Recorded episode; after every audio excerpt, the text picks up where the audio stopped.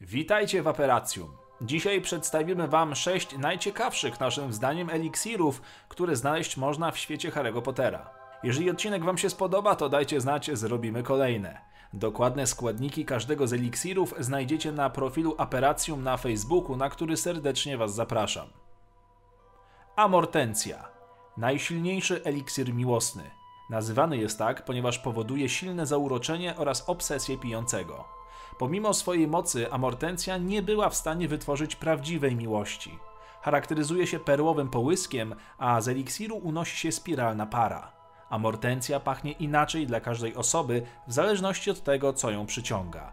Dla przykładu, Hermiona czuła pergamin, świeżo skoszoną trawę oraz włosy Rona, a Harry czuł kajmakową tartę, drzewny zapach rączki od miotły i coś kwiatowego.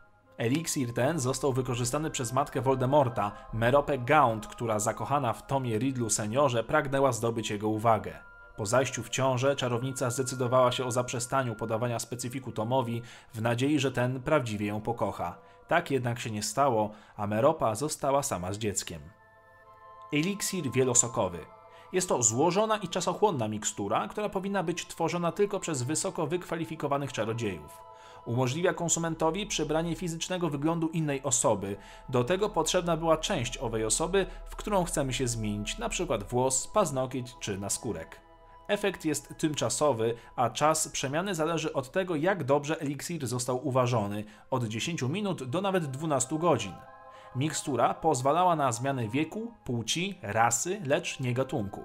Po przygotowaniu eliksiru przybierał on kolor ciemnego błota oraz lekko bulgotał. Ostatnią czynnością zaś było dodanie części osoby, która ma być naśladowana. Wtedy zmieniał on kolor. Uważano, że zmienia kolor zgodnie z naturą osoby. Ludzie o dobrym sercu dają atrakcyjniejsze kolory i smaki, a ludzie złośliwi wywoływali odwrotny skutek. Harry Potter miał czysty kolor, podczas gdy Gregory Goyle smakował jak rozgotowana kapusta.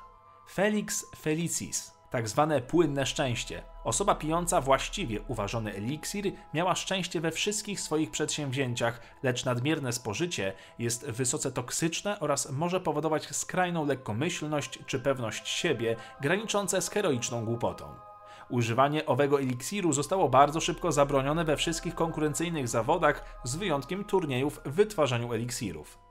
Felix Felicis zostało wynalezione w XVI wieku przez Zygmunta Badża, który nazwał go swoim największym osiągnięciem i ukonorowaniem kariery. Verita Serum jest to potężne serum prawdy.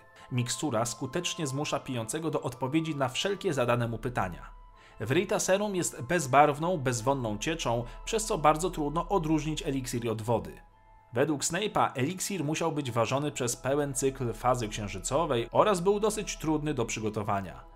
Trzy krople były wystarczającą dawką, aby pijący wyjawił swoje najskrytsze sekrety. Veritaserum nie było jednak w 100% wiarygodnym eliksirem, miało swoje słabe strony, niczym odpowiednik w postaci mugolskiego wariografu.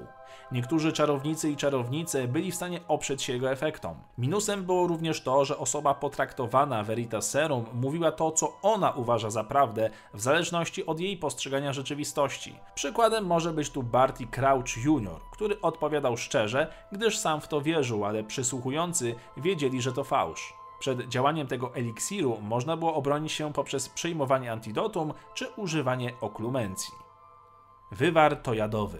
Eliksir wynaleziony przez Demoklesa Belbiego, który za to odkrycie został nagrodzony Orderem Merlina.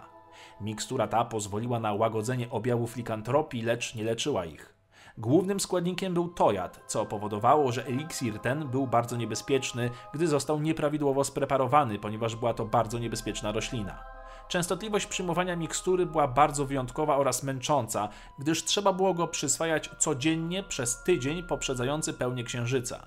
Dla wilkołaków stanowiło to nie lada wyzwanie, ponieważ składniki eliksiru były dosyć drogie, a czarodzieje cierpiący na tą przypadłość mieli problem ze znalezieniem stabilnej pracy.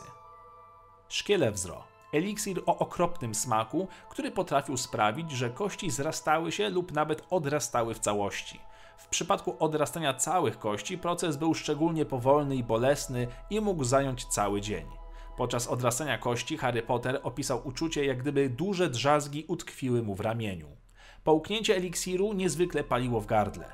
Porównując do działania innych eliksirów, szkielewzro działał niezwykle długo. W przypadku Harego proces ten trwał całą noc. Składniki wszystkich eliksirów znajdziecie na fanpage'u, koniecznie zajrzyjcie. To wszystko na dzisiaj, dajcie znać w komentarzu o czym chcecie kolejny odcinek Aperacjum i na brodę Merlina dajcie łapkę w górę.